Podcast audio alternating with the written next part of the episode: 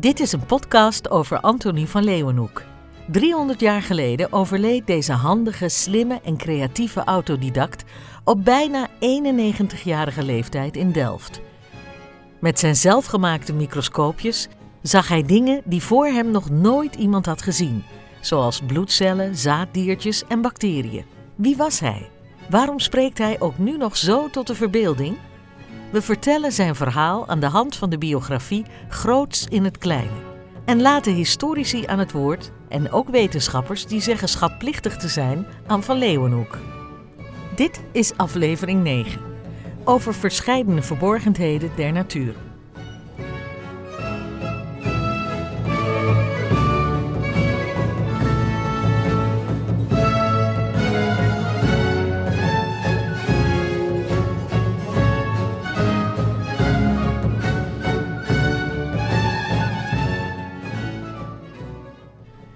Met grote vergenoegingen bekijkt Antonie van Leeuwenhoek met zijn microscopen allerlei vreemde en gewone voorwerpen. Anthony is vooral beroemd geworden vanwege zijn ontdekkingen op het gebied van micro-organismen, zaadcellen en bloed. Ze zijn in eerdere afleveringen besproken.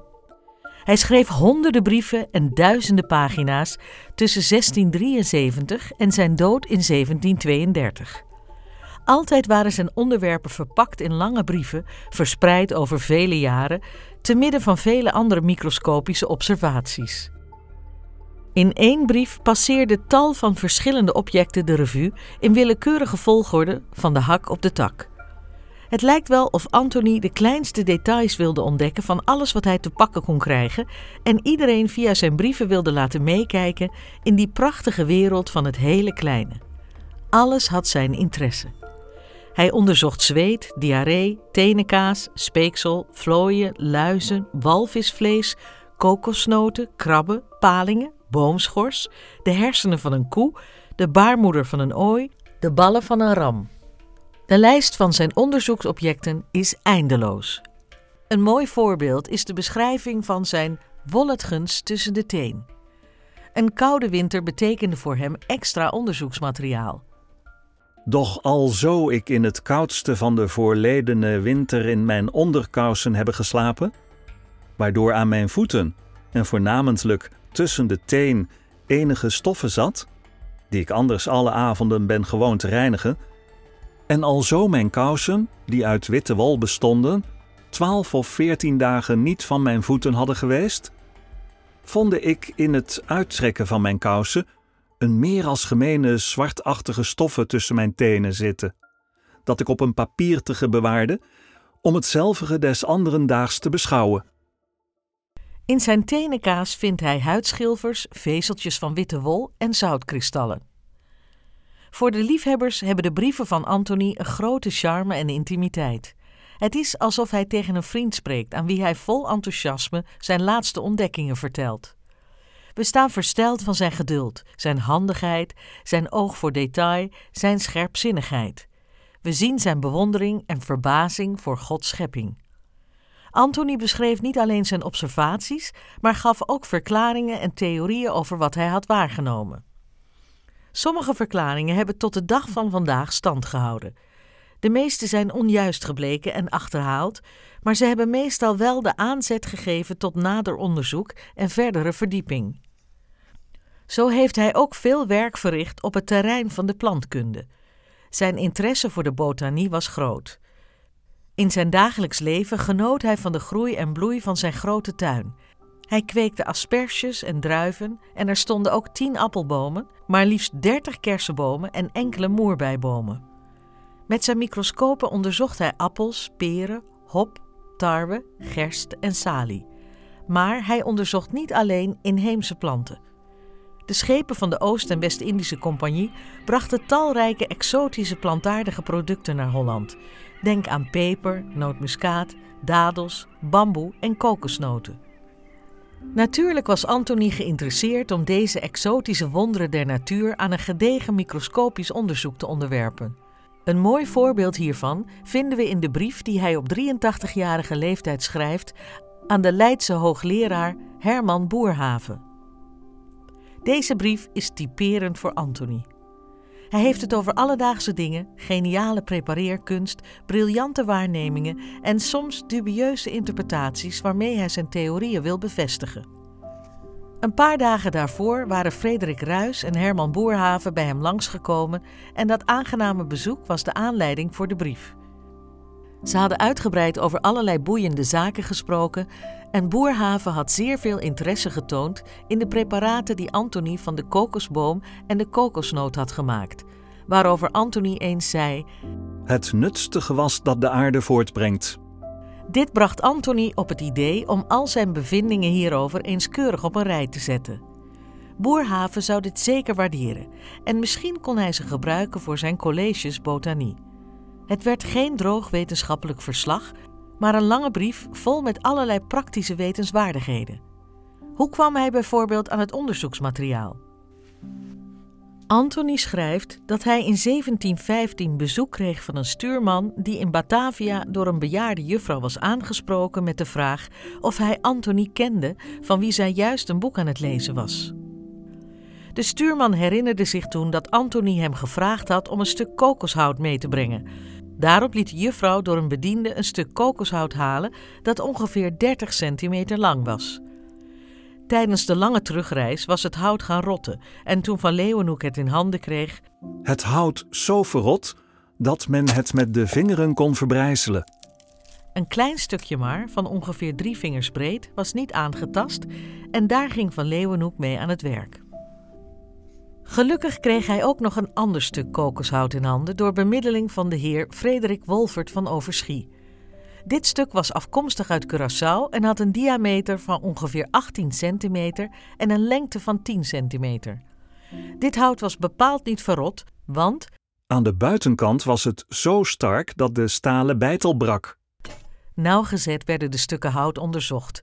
Eerst met een eenvoudig vergrootglas, daarna, toen hij verscheidene dunne koepes uit het materiaal had gesneden, met steeds sterkere lenzen. Hij haalde zijn tekenaar erbij en die tekende wat er met de vergrootglazen zichtbaar was. De in totaal 18 tekeningen die bij de brief werden gevoegd, zijn door Anthony van markeringen voorzien en in detail beschreven. Hij laat zijn lezer zien dat de bast van de kokosboom bekleed is met schuine, draadachtige delen. Hij merkt op dat de boom hierdoor een extra stevigheid krijgt die hij niet zou hebben als de segmenten op de stam begrensd zouden zijn door rechte, evenwijdige cirkels.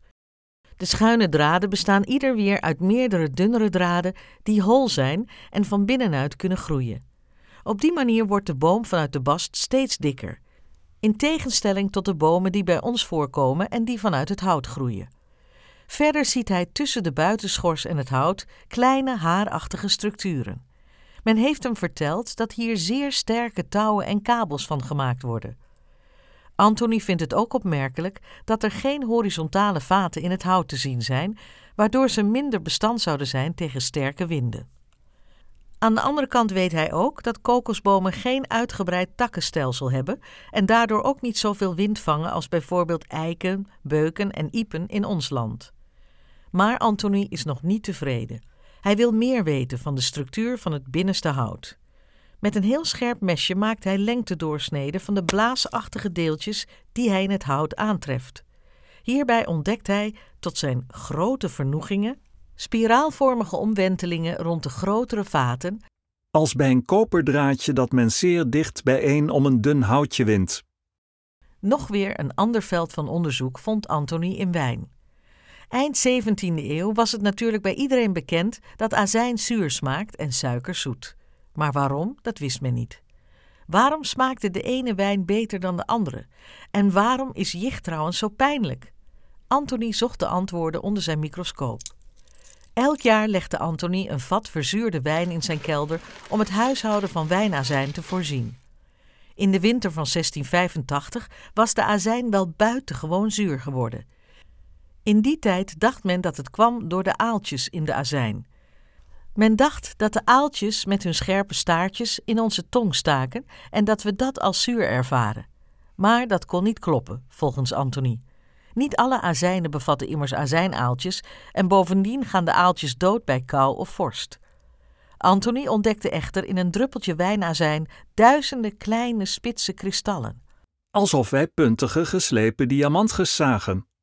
Grotere kristallen van dit wijnsteenzuur vormen de droesem op de bodem van een wijnfles. Volgens Anthony waren het juist die kleine scherpe deeltjes die op onze tong het gevoel veroorzaken dat wij zuur noemen. Om zijn verklaring te staven, voegde Anthony aan de azijn kreeftenogen toe.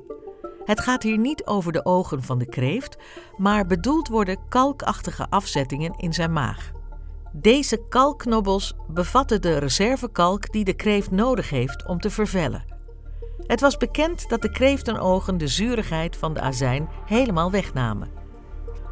Dat komt door de reactie tussen de basische kalk en het azijnzuur, maar dat kon Anthony nog niet weten. Hij was meer geïnteresseerd in de vorm van de kristallen. Nadat de reactie was afgelopen, zag hij geen puntige kristallen meer die de azijn zuur maakten, maar kristallen die stomper en vierkanter van vorm waren. Hij proefde er een vingerhoedje van en, warempel, de azijn was inderdaad niet meer zuur. Naar de wetenschappelijke mode van zijn tijd gebruikte Anthony mechanische verklaringen om de wereld te begrijpen. De werking van een gif als arsenicum schreef hij bijvoorbeeld toe aan de hoge dichtheid ervan. Deze stofzware venijnen zakken door de beweging van de maag naar beneden, waar de scherpe harde delen van het gif de maag komen te kwetsen, ja zelfs als door te veilen. Zout werkte net als zuur via kleine puntige kristallen op de tong, terwijl een suikerkristal juist een gladde en zachte vorm had die samenging met het speeksel in de mond en daarom niet onaangenaam kon zijn. Ook verklaarde Anthony waarom pekelharing, die gewoonlijk rauw uit de hand gegeten werd, zouter smaakt als hij gebakken wordt. Het zout in de haring, die op een rooster wordt gelegd, krijgt door het vuur de vorm van pijpjes, die de smaakpapillen van onze tong sterker prikkelen dan het zout in een rauwe haring. Dankzij zijn functie als wijnroeier en vast niet tegen zijn zin, proefde en bestudeerde hij wijnen uit alle windstreken. Wijnen uit Orléans, Nantes, de Médoc, Rheingau en zelfs de Hochheimerwijn van al zes jaar oud. Tenminste, als men de wijnverkoper hier geloven mag. In de wijnen zag hij kristallen van verschillende vormen en kleuren. Volgens Anthony bepaalde de balans tussen die kristallen de smaak van de wijn en de verschillen in smaak. In de juiste verhouding zouden ze zo een goede harmonie op onze tongen en gevoelige delen van onze mond of te verhemelte maken, die wij een aangename smaak noemen. Tot zover de onderzoekingen in wijn en azijn. Anthony werkte soms ook in opdracht. Op verzoek van de Royal Society onderzocht hij het materiaal waaruit een jichtknobbel bestond. Uit een opengebarsten jichtknobbel op de arm van een jichtpatiënt ving Anthony een kalkachtige materie op, vermengd met etter en bloed. Onder de microscoop zag hij echter dat de vaste stof helemaal geen kalk was. Ik ben eerst de vaste materie gaan observeren die op het eerste gezicht kalk leek, en heb met verwondering gezien dat dat niet klopte want het waren niets dan lange doorschijnende figuurtjes. Dit is de eerste waarneming van kristallen van urinezuur die jicht veroorzaken. Anthony zag dat de pijn bij een jichtaanval veroorzaakt werd door de puntige uraatkristallen. De kristallen zouden als naalden in de gevoelige delen van de huid prikken. Maar de grootste pijn werd veroorzaakt door de kleinste kristallen of pijpjes. Die pijpjes kunnen overdwars in de aderen liggen en zo de circulatie in de aderen enigszins beletten. In de tijd van Anthony bestonden er verschillende ideeën over de oorzaak van jicht. Men zegt vaak dat jicht veroorzaakt wordt door veel wijn drinken of door veel seks. Anthony bestrijdt echter dat het drinken van wijn er iets mee te maken heeft. Hij had gezien dat wijnkristallen niet overeenkwamen met jichtkristallen en dus dat kon het niet zijn. Het bewijs ervan zag hij dagelijks om zich heen. Want wij zien lieden die doorgaans in grote kwantiteit Rijnse en Franse wijn drinken, en dat dezelfde nochtans nooit enige jicht hebben gehad. En de wedere anderen die haar leven nog Rijnse, nog Franse wijn en drinken, en zeer zwaar met de jicht gekweld zijn. Al is wijn drinken dan niet de directe oorzaak van jicht, alcohol is wel een risicofactor die de stofwisseling kan ontregelen, weten we nu. Een relatie tussen seks en jicht is daarentegen onwaarschijnlijk. Tijdens een jichtaanval treedt een pijnlijke zwelling op bij het aangetaste gewricht, vaak de grote teen. Meestal verdwijnt de zwelling na een paar dagen, maar bij herhaalde onbehandelde aanvallen kunnen er pijnloze jichtknobbels ontstaan. In de tijd van Antony was moxa het wondermiddel tegen jicht. Hermanus Buschoff introduceerde dit Oosterse kruidenmiddel in 1675 in Nederland. Hij was zelf jichtpatiënt en was er als predikant in Batavia mee in aanraking gekomen. De behandeling ging volgens hem als volgt. Het middel werd op de pijnlijke plek gelegd en aangestoken. Via Constantijn Huygens kwam Anthony in het bezit van wat moxa om het nader te onderzoeken. Hij concludeerde dat het eigenlijk geen bijzonder kruid was en dat het precies zo brandde als katoen, zodat ik vertrouw dat de voornoemde busschof bedrogen is van de Chinezen. Hij hield er een pijnlijke brandwond aan over. Na al deze onderzoekingen naar de meest uiteenlopende onderwerpen, zult u over de nu volgende anekdote niet meer verbaasd zijn. Luister naar Geertje Dekkers. Van Leeuwenhoek woonde in een witte wereld, leeft in een witte wereld. Um, maar het is de tijd van de Europese expansie, zoals we dat tegenwoordig noemen. Dus maakten Hollanders en ook Delftenaren kennis met mensen met een zwarte huid. En in zijn tijd woonde er een meisje in Delft. Toen hij haar tegenkwam was ze dertien, met een zwarte huid. Een morinne noemde hij haar. En hij wilde weten hoe het kwam dat haar huid zwart was. Dat is typisch het soort vraag dat Van Leeuwenhoek altijd stelde. Hij wilde allerlei onderdelen van het lichaam kennen. En er was een theorie, of een verhaal of een anekdote, dat mensen uit Afrika een zwarte huid kregen doordat ze zich insmeerden met een soort zwart spul. En dat vond Van Leeuwen ook niet zo logisch, want dan zou dat er in de loop van de tijd moeten afslijten en, en dan zouden ze steeds lichter moeten worden. Dus hij wilde graag bij dat meisje kijken. En dan zegt hij, en dat verhaal is, dat wringt aan alle kanten. Dan gaat hij naar haar toe en dan haalt hij met een heel fijn instrumentje, zegt hij zelf, heel voorzichtig wat huid van haar, hand, van, van haar af. En hij doet dit zo voorzichtig, maar ze gaat toch bloeden. En dat irriteert hem dan heel erg. En dat verhaal is, nou ja, met de kennis van tegenwoordig en de, de ethiek van tegenwoordig heel pijnlijk. Hè? Kon dat meisje kiezen, mocht ze nee zeggen. Maar goed, hij houdt haar um, huidschilfertjes voor zijn microscoop. En dat doet hij ook met die van hemzelf, want hij haalt voortdurend dingen van, vanuit zijn eigen lichaam. En hij ziet dat haar, wat we nu zouden noemen, huidcellen, donkerder zijn. Dus dat het in die huid zelf zit. Dus dat het niet van buitenaf kan. En dat is dan zijn conclusie.